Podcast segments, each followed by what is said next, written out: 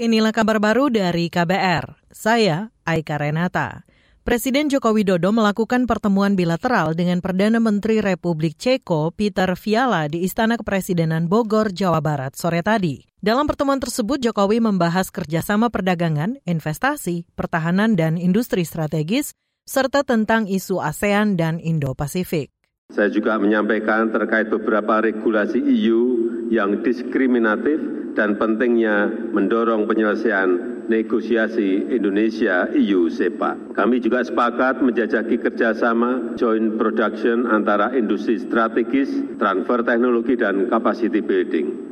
Presiden Jokowi mengatakan dalam pertemuan itu ia mengundang pemerintah Republik Ceko untuk hadir dalam Indo-Pacific Infrastructure Forum yang akan digelar di Indonesia pada tahun ini.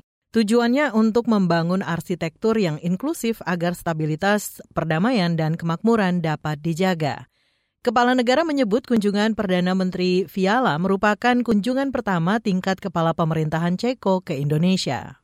Beralih ke informasi ekonomi, Bank Indonesia memprediksi tekanan inflasi bakal terus menurun hingga akhir tahun ini Gubernur Bank Indonesia Peri Warjio mengatakan tekanan inflasi yang terus menurun dipengaruhi dampak positif kebijakan moneter Bank Indonesia. Ia meyakini terkendalinya inflasi akan mendukung stabilitas perekonomian. Dengan perkembangan tersebut, Bank Indonesia meyakini inflasi inti akan tetap terkendali dalam kisaran 3 plus minus 1 persen di sisa tahun 2023 dan inflasi IHK dapat kembali ke dalam sasaran 3 plus minus 1 persen lebih awal dari perkiraan sebelumnya.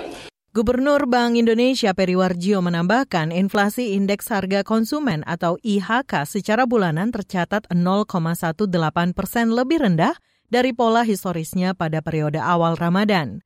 Peri menyebut inflasi IHK secara tahunan juga turun dari level bulan sebelumnya sebesar 5,47 persen menjadi 4,97 persen. Kita ke informasi pemilu 2024. Kabar pemilu. Kabar pemilu. Komisi Pemilihan Umum KPU mencoret dua pembentukan panitia pelaksana luar negeri atau PPLN karena alasan keamanan. Ketua KPU RI Hashim Asyari mengatakan dua negara yang dicoret dari pembentukan PPLN adalah Afghanistan dan Korea Utara. Jadi kantor perwakilan kita itu ada 130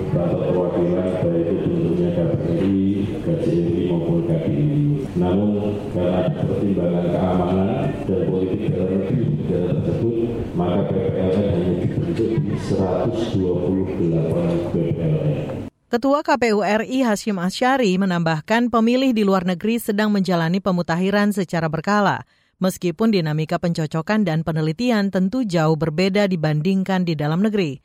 Saudara, KPU saat ini menetapkan daftar pemilih sementara atau DPS pemilih luar negeri sebanyak 1,5 juta orang. Sedangkan secara nasional, daftar pemilih sementara berjumlah 205 juta orang. Demikian kabar baru dari KBR. Saya Aika Renata.